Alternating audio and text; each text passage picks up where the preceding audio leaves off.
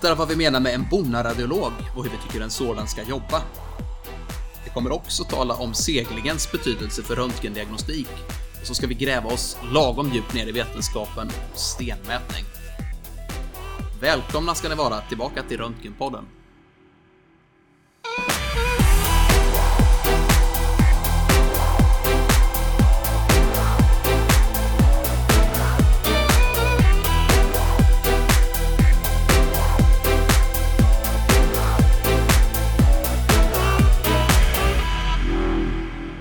Hej Jörgen! Var det, var det länge sedan sist? Ja, det brukar vi alltid börja med att säga och det var det väl kanske. I poddsammanhang kanske det var det. Vi har ju träffats väldigt mycket på sistone i andra sammanhang. Ja, precis. Och eh, eh, senaste tillfället vi poddade, det är ju lätt att komma ihåg. För det var ju vid det tillfället som vi avslöjade det här nya njurprotektiva läkemedlet, eller hur? Primalapril. Primalapril, ja. Som vi avslöjade den första april. Eh, vilket kanske säger något om seriositeten i läkemedlet. Avslöjade vi att det var ett aprilskämt? Jag tror att jag gjorde det på Facebook eller Instagram. Jag tror inte så många gick på det, men för tydligheten och transparensens skull kanske det är Det bra. har inte kommit så många frågor om vad man kan hitta mer om det här läkemedlet så jag tror inte det var så många som gick på det. Nej, man, jag, man, jag tror inte det heller. jag tyckte det var fyndigt i alla fall. Tycker jag med. Vi gjorde ett försök. Ja, precis. Och nu har vi haft en kurs också. Nu har vi haft en kurs, ja, precis. Ehm, och eh, det var ju eh, väldigt mycket jobb med den. Vecka 20 körde vi ju kursen eh, basal akutradiologi för färska primärjourer.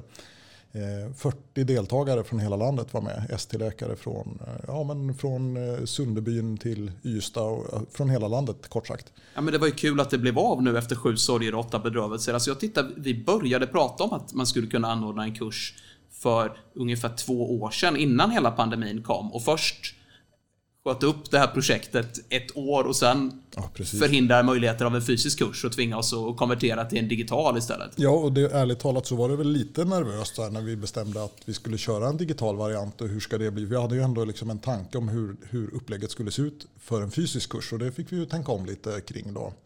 Hur man löser det här med fallgenomgångar i eh, smågrupper digitalt och så.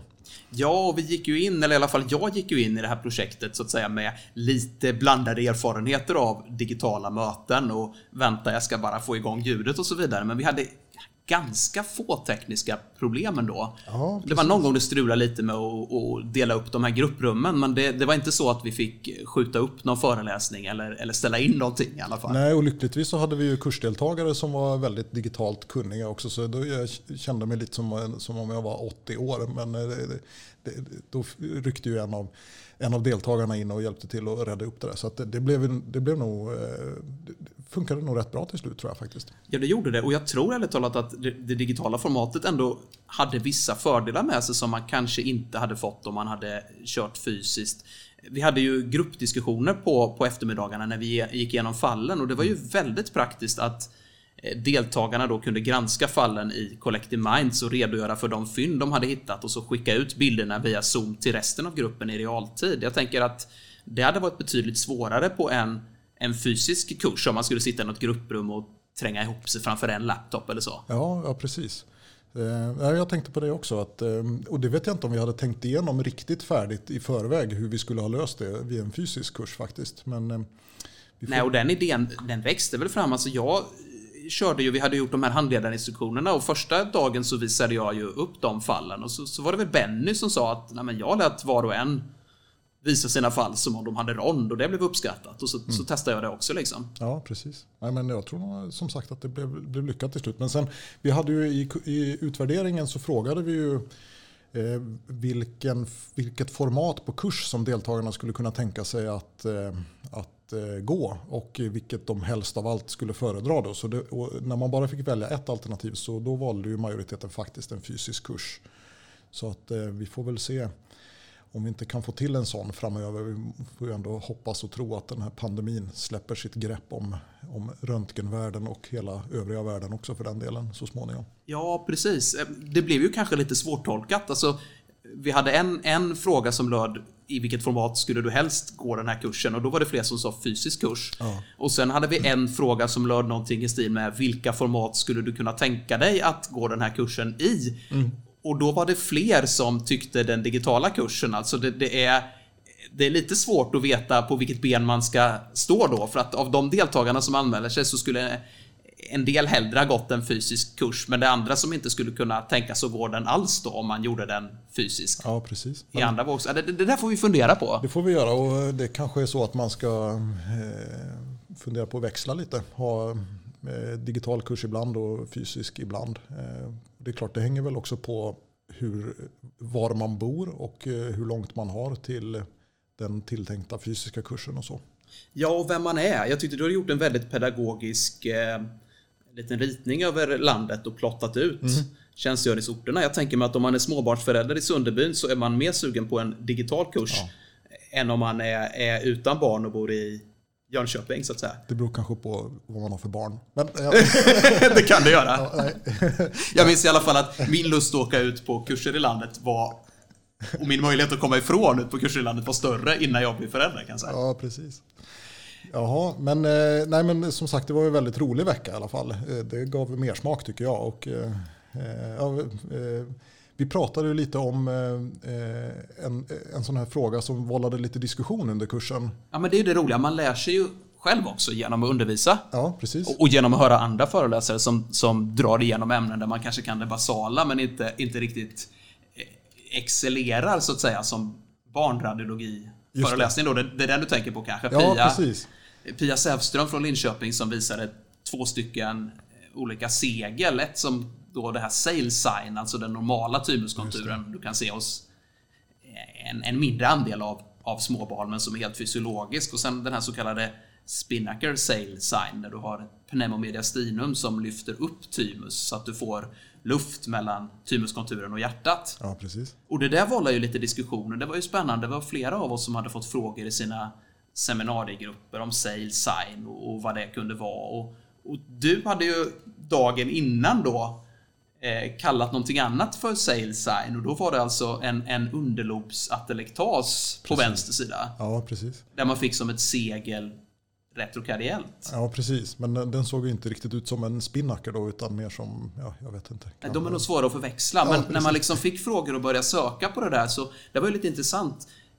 Alltså det här med science kan ju, kan ju vara väldigt mycket, men när man sökte upp sales sign, då kunde det ju dels vara det fysiologiska tymusseglet och dels ja. det patologiska spinnakerseglet.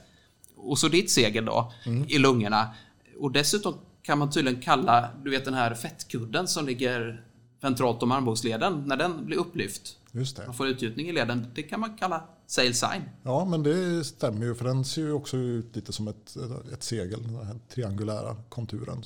Och det, och det är ju logiskt. Och, och, och, vet du förresten Jörgen, om man har en, en eh, unilateral dilatation av den laryngeala ventrikeln vid stämbandspares så kan man få ett, liksom ett litet eh, tecken där, att det, ser ut på ett speciellt sätt i luftspalten och det kallas för sail sign. Ja, du ser. Det ja. Finns, och det finns säkert fler sail signs också. Det kan man säkert. Ja. Just det, nej men som sagt det är alltid roligt att lära sig något nytt och det gjorde vi också från den här kursen. Bland annat då om sail signs. Jag har ju fortfarande inte Instagram här Jörgen. Nej, det var lite kul att höra då. Vi har tydligen, Röntgenpodden har 400 följare på Instagram. Ja, vi har ju det. Jag vet inte fasen hur det gick till. Va, faktiskt. Vad pratar ni om? Eh, du hade inte Instagram sa du? Jag har inte Instagram. Nej, men vi, jag lägger ut komprometterande bilder på dig. Eh, det är det som är grejen? ja, precis. Ja. precis. Så att, eh, det är jättebra att du inte har Instagram. Per. Skönt att jag kan bidra på något sätt i alla fall. Ja, jag menar det. Men det är lite kul med sociala medier också. Jag vet inte, det, Facebook har jag ju så pass jag ska inte säga så pass med, ja, för att det är liksom stenåldersteknik jämfört med, med allt annat och, och TikTok och, och vad det nu heter. Ja, men, men i alla fall, man får ju folk som börjar följa en som man inte har en aning om vilka det är eller hur de har hittat till Röntgenpodden. Det är lite märkligt också. Ja, men det är väl jättekul. Det måste ju tyda på att det sker någon form av, av självspridning av podden. I början fick vi ju vara ganska aktiva i att eh, annonsera vår eh, existens. Ja. Om man säger så, för att folk skulle lyssna på oss. Men eh, ja, det kanske är så att det faktiskt är folk som, som eh, vill höra på vad vi säger och som tipsar andra om det och så. Det är ju jätteroligt i så fall. Ibland springer man ju på folk man, man känner eller umgicks med förr, till exempel när man var aktiv i studentkåren. Ja. Träffade jag ute i skidbacken en, en eh, vän från den tiden som är kirurg nu och han hade ju hört talas om att vi hade en podd. Okay, Sveriges största röntgenpodd sa jag. Ja, ja men tveklöst så. Visst är det det? Alltså, ja. Imponerad ut tycker jag då. Ja, mm. det förstår jag. Så att det går bra nu. Ja. Jaha, hörru Per, ska vi försöka vara lite seriösa också? Vi brukar ju diskutera studier i, i det här programmet. Ja, vi har ju flamsat bort inledningen så vi får väl... Vi får väl eh, så skärpning nu. Ja. Mm. Nej men eh, jag fick faktiskt, det var lite kul, en eh, uppgift på mitt bord från min chef. Jag är ju lite intresserad av uro gastroradiologi och mm. hon hade nåtts av ett dokument, nationella riktlinjer från SURF. Svensk uroradiologisk förening om hur man mäter urinvägskonkrement. Mm. Det går ju att mäta i olika fönstersättningar och, med olika inställningar och så vidare. Ja. Och det var lite roligt för någon gång i poddens barndom så efterlyste vi ju förslag på ämnen vi skulle diskutera. Mm. Och vi, vi möttes inte av någon anstormning av förslag, men vi fick in ett par i alla fall. Just det. och något av dem var ju just, just det här. Ja, precis. Och det var ju kul att vi tar upp det då ett par år senare. Ja, den som, ja. Väntar, den som väntar på något gott. Jag menar det, precis.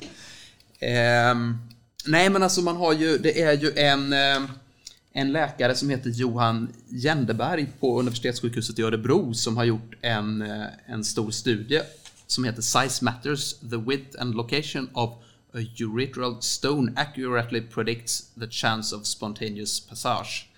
Och det är väl den som huvudsakligen ligger till, till grund för den här rekommendationen då. Man, man, man skriver om både tätnings, eh, täthetsmätning och storleksmätning i den här rapporten. Men jag tänkte... Ja, just det. Och tanken är liksom att man ska försöka standardisera det här för att eh, ja, folk mäter på lite olika sätt och, och så, eller hur? Ja, mm. exakt. Ja, precis, va? för att eh, jag är ju mest fokuserad på den delen som tittar på storleksmätning än. Jag kanske får komma tillbaka till täthetsmätning i ett senare poddavsnitt, vad vet jag. Men här konstaterar man ju då att man kan mäta på, på flera typer av fönstersättning. Mm. Och beroende på hur man fönstrar så kommer stenen, det vet ju alla som har granskat lite stenseti, att stenen ser ju olika ut. Kalken så att säga blommar upp i ett mjukdelsfönster. Precis. Och eh, i mindre grad i ett skelettfönster. Ja. Och det blir väldigt tydligt om man sitter och fipplar med fönstersättningen själv när man, när man granskar. att eh, Om de är små stenar så kan de nästan försvinna i skelettfönster och så blir de väldigt tydliga i mjukdelsfönster. Ja. Och då är ju frågan, liksom en fråga i det här är ju, var det sant? Mm. Och då har de ju konstaterat här att, att om man ska få ett, ett korrekt mått på hur stor stenen är så är det bäst att använda ett så kallat halvvärdesfönster. Det vill säga man sätter fönsternivån till mitt emellan stenens täthet och omgivningens täthet. Omgivningen ja. är ju ungefär noll då, det vill säga vätskan i uretären. Ja. Och stenen, om den mäter 1000 handsfyllenheter så sätter man eh, fönsternivåns centrum till 500. Och så sätter man fönstervidden till 0. Så då får du i princip en binär bild, sten eller inte. Ja, just det. Och det kallar de för halvvärdesfönster och det är ju ur teoretisk synvinkel det mest korrekta sättet. Men vad ska jag säga, endpointen man är ute efter är ju inte att få ett teoretiskt korrekt värde utan endpointen är ju att bedöma huruvida stenen kommer avgå spontant eller inte. Just det. Ehm, för det är ju så att urologerna vill ju gärna, det läste jag, jag läste faktiskt själva den bakomliggande artikeln här också och det är ju så att antingen så kan man expectera och förvänta sig att uretärstenen ska avgå spontant men då kan ju patienten drabbas av infektioner under tiden och, och det är ju en risk. Och å andra sidan då så kan man göra någon sorts perkutan stenextraktion eller kanske gå in via urinblåsan och, och extrahera stenen men det ingreppet är ju inte heller utan risk så att säga. Va? Nej. Så att man, man, man ska liksom... Um... Man vill ha något sätt att förutse sannolikheten för att stenen avgår av sig själv och liksom välja aktivitetsnivå ja. Ja, hos urologen. Då. Exakt. Mm. Eh, och i studien då har man inte använt de här halvvärdesfönsterna. För det var en retrospektiv studie där man, eh, man tittade på liksom befintligt material. Där det väl i och för sig gått att fönstra om om man ville det. Men, men mm. så gjorde man inte utan man tittade på mjukdelsfönster och, och skelettfönster på, på undersökningar som var gjorda i en klinisk kontext. Men är inte det ganska rimligt att göra på det sättet också? Tänker jag. För att om man ska eh, tänka hur, hur sån här granskning går till i verkligheten eh, av radiologer som inte är special, specialintresserade av just ur ett eh, urinvägskonkrement så sitter man nog inte och fönstrar om till ett individuellt fönster som är olika för varje patient för att få en teoretiskt optimal mätning av konkrementet. Utan det blir väl att man tittar i mjukdelsfönster eller möjligen skelettfönster. Ja men precis. Så är det ju. Det, det är ju lite, det, det, får man ju känslan av eh, när man tittar på riktlinjer generellt sett. att Inom varje område så har man möjlighet att förbättra saker och ting. Man kan ha väldigt många protokoll inom säg leverradiologi eller muskuloskeletal radiologi mm. som gör bedömningarna lite bättre under förutsättning att varje undersökning granskas av en subspecialist som precis känner syftet med alla de där. Men ja för oss bonna radiologer så kommer ju också en annan faktor att spela in och det är det att vi kan inte hålla alla protokoll inom alla områden i huvudet samtidigt så att säga. Utan antingen får vi gå mot en högre grad av specialisering redan mm. vid primärtolkning eller så får man helt enkelt ha lite färre protokoll där folk kan hålla reda på innehållet så att säga. Ja, precis. Och sen kanske gå vidare med en mer dedikerad undersökning i de fall som det visar sig vara nödvändigt. Så. Ja, men precis. precis. Och, och då tänker jag att i det fall man har god korrelation mellan, mellan eh, vad ska jag säga, stenstorlek och sannolikhet för passage i de vanliga fönstren så är det lika bra som om man har ett halvvärdesfönster som dessutom ger, ger bättre resultat ur ett teoretiskt hänseende så att säga. Ja, ja visst. Eh, så att man mätte då i alla fall på, på mjukdelsfönster och skelettfönster. Och då hade man patienter som eh, man tittade på retrospektivt, så då hade man en ganska lång uppföljningstid jag tror att det var 20 veckor. Mm, just. Eh, nej, här står det förresten 26 veckor. Follow-up radiology until stone expulsion or 26 weeks were recorded. Så då kunde man ju säga då om, om stenarna faktiskt hade avgått eller inte. Ja, just det. Och det korrelerade då till storleken på stenarna. Ja, precis. Förstås. Man mätte dem i mjukdelsfönster och i skelettfönster. Ja. Och så mätte man vad man kallade längd och vidd. Mm. Och då gjorde man så att man mätte alla stenarna i tre plan. Alltså det vanliga mot kroppen inriktade axialplanet, koronalplanet och sagittalplanet. Ja. Och den dimension som gav det största måttet kallade man längd och den ja. som gav det minsta kallade man vidd. Just det. Och sen så har man gjort en, en hel del statistiska beräkningar som jag inte har gått in på i detalj måste jag erkänna när jag läst studien. Men det verkar som att oavsett om man väljer mjukdelsfönster eller skelettfönster och mm. oavsett om man väljer att gå på längd eller vidd så finns det en god korrelation mellan storlek och sannolikhet för spontan stenavgång. Just det. Och i det här nationella dokumentet så har man då sagt att mätningen bör ske med mjukdelsfönster. Eh, fönsternivå bredd 40 50 respektive 350 400. Mm -hmm. okay. eh, och eh, det är väl helt enkelt för att man, man, eh, man sätter ner foten. Man, man, man vill inte presentera så många alternativ utan man vill standardisera det här helt enkelt så att om folk mäter i praktiken som man har gjort i studien så är det lättare att använda studien för att förutsäga framtiden så att säga. Ja, men det låter väl klokt. Men och, och, och, det mått som skulle anges i utlåtandet då enligt rekommendationen, det var längden, eller hur? Ja, det stämmer. Stämmer det med hur du brukar eh, mäta på stenar i den kliniska vardagen? Ja, det tror jag, men jag har inte tänkt tillräckligt mycket på det för att kunna säkert säga det. Du hade en, lite, eh, en, en annan tanke här, ja. en teoretisk modell med ett riskorn som ju lät... Ja, men precis. Vi diskuterade det lite innan vi tryckte på record här. att um, Om det är stora stenar, då, då kanske jag till och med är ambitiös och anger alla mått. Då. Att jag kanske säger 12 gånger 14 gånger 9 mm eller vad det nu kan vara. Men om det är, eh, säg att det är liksom en, en, lite mindre sten som ligger i uretären och så är den avlång, och då sa jag som ett riskorn. Då, då liksom tänker jag mig att sannolikheten för om den stenen ska avgå spontant eller inte, det är ju inte hur långt riskornet är utan snarare vad det har för diameter. För att det är ju sällan de här riskornen sätter sig på tvären i uretären utan de brukar ju följa uretärens längsförlopp ändå för det mesta.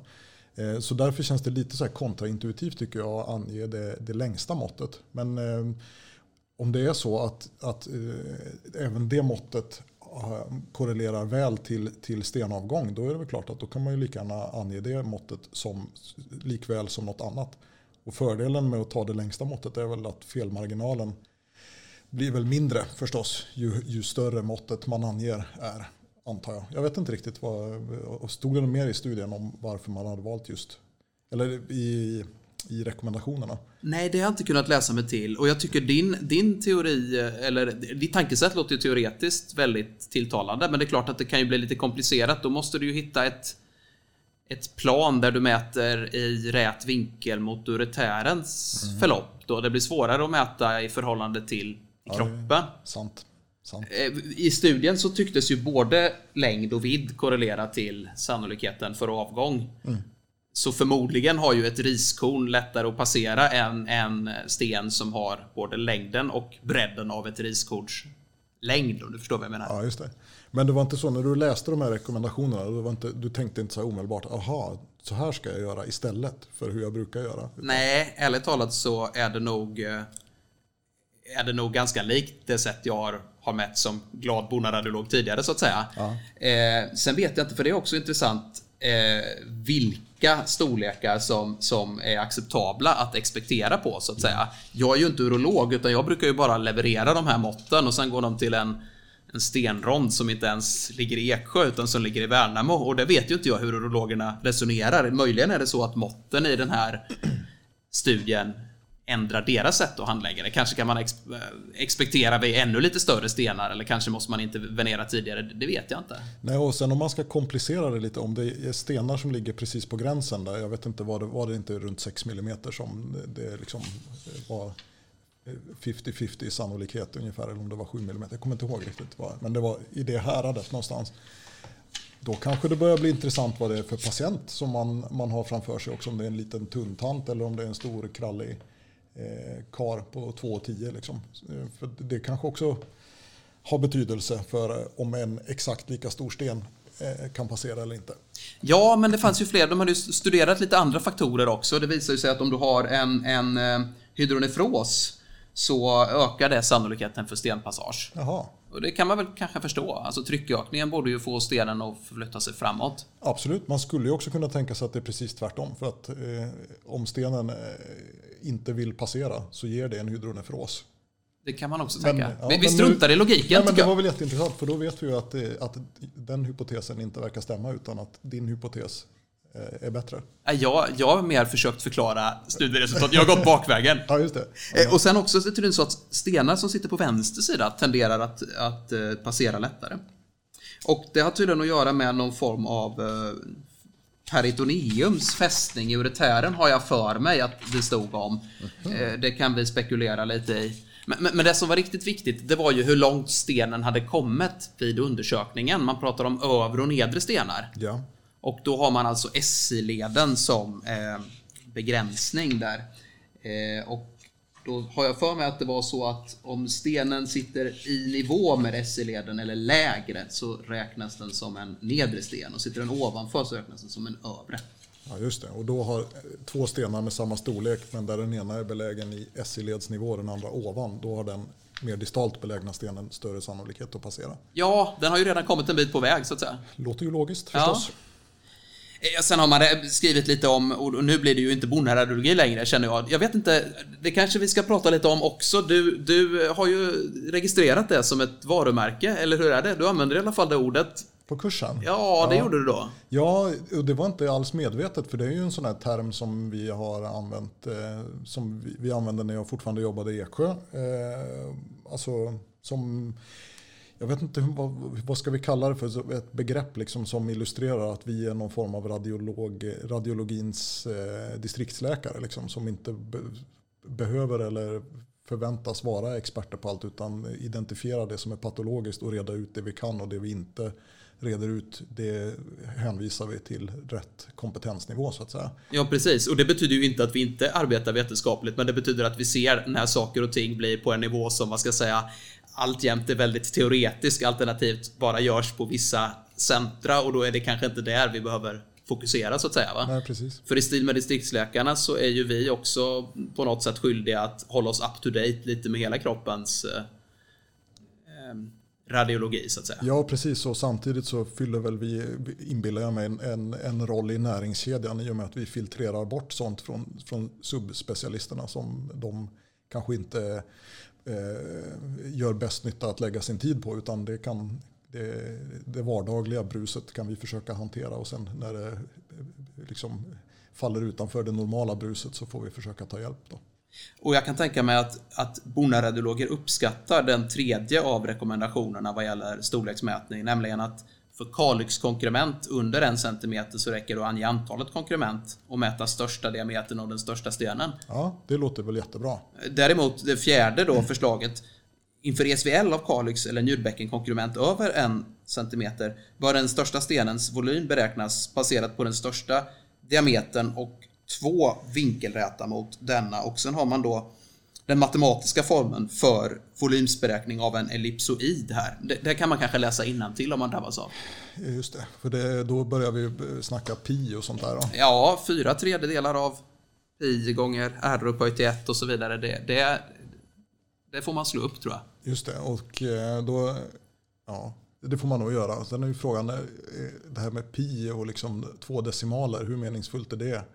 Eh, när man mäter på stenar som, där man liksom antingen får 5 eller 6 millimeter och ja, då kanske ska avrunda pi till 3. Och, ja, och, och är ellipsoid, ellipsoid verkligen rätt eller är det ett riskorn man, man, man borde... Ja, precis. Här behövs kanske mer forskning. Här behövs mer forskning. Det var ju länge sedan som vi hade en redig, eh, rejäl quench, eller hur Per? Ja, det var det väl va? Jag brusade upp lite lagom senast och innan dess var vi diplomatiska vad gällde coronadebatten och quenchade inte alls tror jag. Ja, Men nu har du identifierat ett fenomen som du stör dig på här, som du tänkte såga. Ja, det har jag och jag tror att det här kan tilltala dig som är lite språknörd, för det här är en, en quenchning av, av eh, ska säga, felaktig användning av språk. Ja. Och det är har du hört det här? Ska vi öka masen lite? Eller öka kilovolten? Ja, det har jag definitivt hört. Och det är ju... Folk förstår ju vad man menar, men det är ju på något sätt konstigt. Alltså om, om, om jag säger öka kilometrarna Jörgen, när jag vill att du ska köra bil fortare, så tycker du det är lite konstigt? Det är inte det lite som att säga att man har en dyr hyra på sin lägenhet? Eller att en, en vara har ett dyrt pris? Ja, det väl analogi blir, med det. Ja, det blir lite fel. Det låter, tycker jag, lite proffsigare i alla fall att prata om, om rörspänning. Ja, just det. Fast jag kan inte motivera egentligen så mycket ilska att jag har lust att och, och, och på något sätt eh, nej, det... skrika på den som säger fel eller så. Nej, precis. Och det är väl inte... Nej, men jag förstår hur du menar. Det är sånt som när man börjar tänka på det så kan man störa sig lite på det, helt klart. Men kanske kan vi liksom samla ihop flera språkliga fenomen vi stör oss på så att vi får tillräckligt många för att uppnå någon form av kritisk massa och ändå kunna trycka på den här quench-knappen. Ja men absolut. Ehm, det finns ju en klassiker i röntgensammanhang. Du tänker på, på magnetröntgen? Magnetröntgen, ja, ja precis. Ja, men den, den, är ju värd många quenchar. Det är nog sånt många älskar och hatar. Ja, precis. Och, så, och samtidigt så är det ju sådär.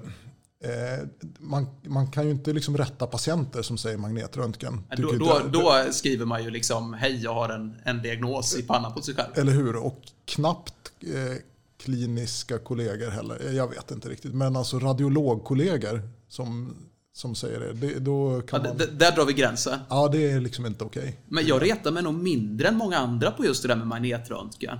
Alltså jag tänker ja. Wilhelm Konrad Röntgen, han uppfann ju röntgenstrålningen. Ja. Och så fick han liksom, han, han, den här joniserande strålningen blev namngiven efter honom. Men det hade ju inte varit långsökt att istället namnge, alltså bilddiagnostik som fenomen efter honom. För det var ju inte så att man ja, höll på med någon annan bilddiagnostik och gjorde ultraljud eller MR innan han...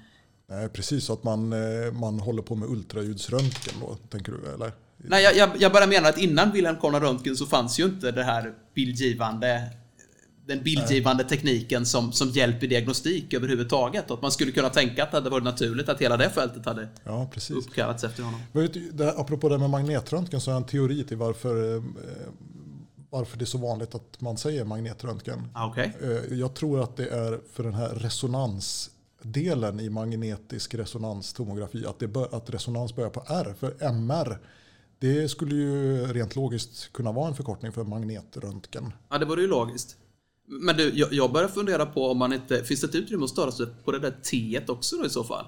Alltså, jag är ju långt ifrån någon, någon MR-fysiker, men tomografi för mig, då tänker jag ju det här, någonting snurrar runt patienten. Ja. Eh, liksom en gammaldags tomografi, då snurrar röntgenröret och datortomografi, då snurrar men, men alltså den här... Snurrar inte elektroner i den där spolen? Elektronerna snurrar ju, men jag tänker den här fas och frekvenskodningen man använder för att få en, en bild Är det egentligen en tomografi? Eller finns det utrymme att störa sig på det också? Eh, ja, men det, finns alltid utrymme att störa sig på saker. Jag tycker ju mer desto bättre, så man håller binjurarna igång. Eh, men just det, tomografi, alltså slutresultatet av övningen blir ju tomografiska bilder på något sätt. Att, eh... Har du några MR-fysiker bland dina 400 Instagram-följare som, som kan reda ut det här så kan du väl ta kontakt med dem? Ja, precis. Om inte annat så gör de väl det efter att de har hört det här. Ni får ju hemskt gärna kontakta oss. Ni kan ju skippa den här delen med K-space bara tänker jag. Ja, och, fokusera på det här istället. Ja, just det. Men eh, det här med modaliteter, ju, om vi spinner vidare på det, CT-DT-spåret. Ja, just det. Ett tag man skulle ha en svensk terminologi. En del pratar DT, andra pratar CT. Ja. Det kommer jag ihåg att diskutera med, med min handledare om när jag skrev det vetenskapliga projektet man skulle göra. Ja. Eh, per Dahlman uppe i Uppsala. Ja, jag tycker att det här är bra, men, men ska vi inte säga DT nu? Ja, just det. och sen hade man ju på vår klinik då, man hade någon sorts eh, kompromiss. DT sten-CT hade vi en undersökning man kunde beställa. DT sten-CT, ja. ja just det. Eh, och DTHRCT. idag, idag fick jag förresten det stora nöjet att skriva på en, en DT eller CT-buk på en eh, patient som man inte hittade spiralen på. Så då skrev jag att undersökningen är utförd som en så kallad spiral-CT. Det var ju oerhört fyndigt Jörgen. ja, precis. Men du, eh, nu slutar det lite väl positivt. Skulle vi inte quencha? Ja, jag vet inte. Ska vi det? Jag vet inte riktigt. Nej. Nej. Vi är inte så hårda av oss. Solen skiner och ja, vi struntar i det tycker jag. Ja, vi, vi slutar i en positiv anda istället. Det gör vi. Ja.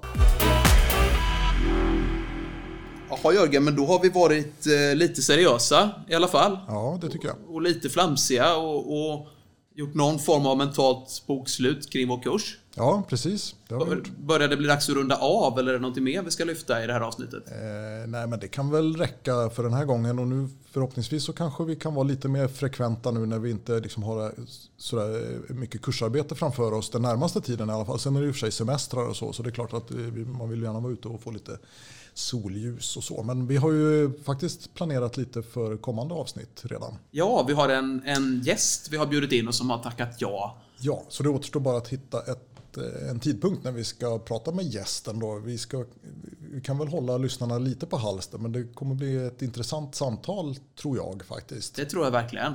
Det är... verkligen. En, en, en välkänd profil lokalt, kanske i viss mån nationellt också. Ja. Eh, om än i mindre grad. Just det, och eh, kanske inte så jättekänd i radiolog-Sverige. Nej, precis. precis. Mm. Eh, en kollega från en annan disciplin helt enkelt. Just det.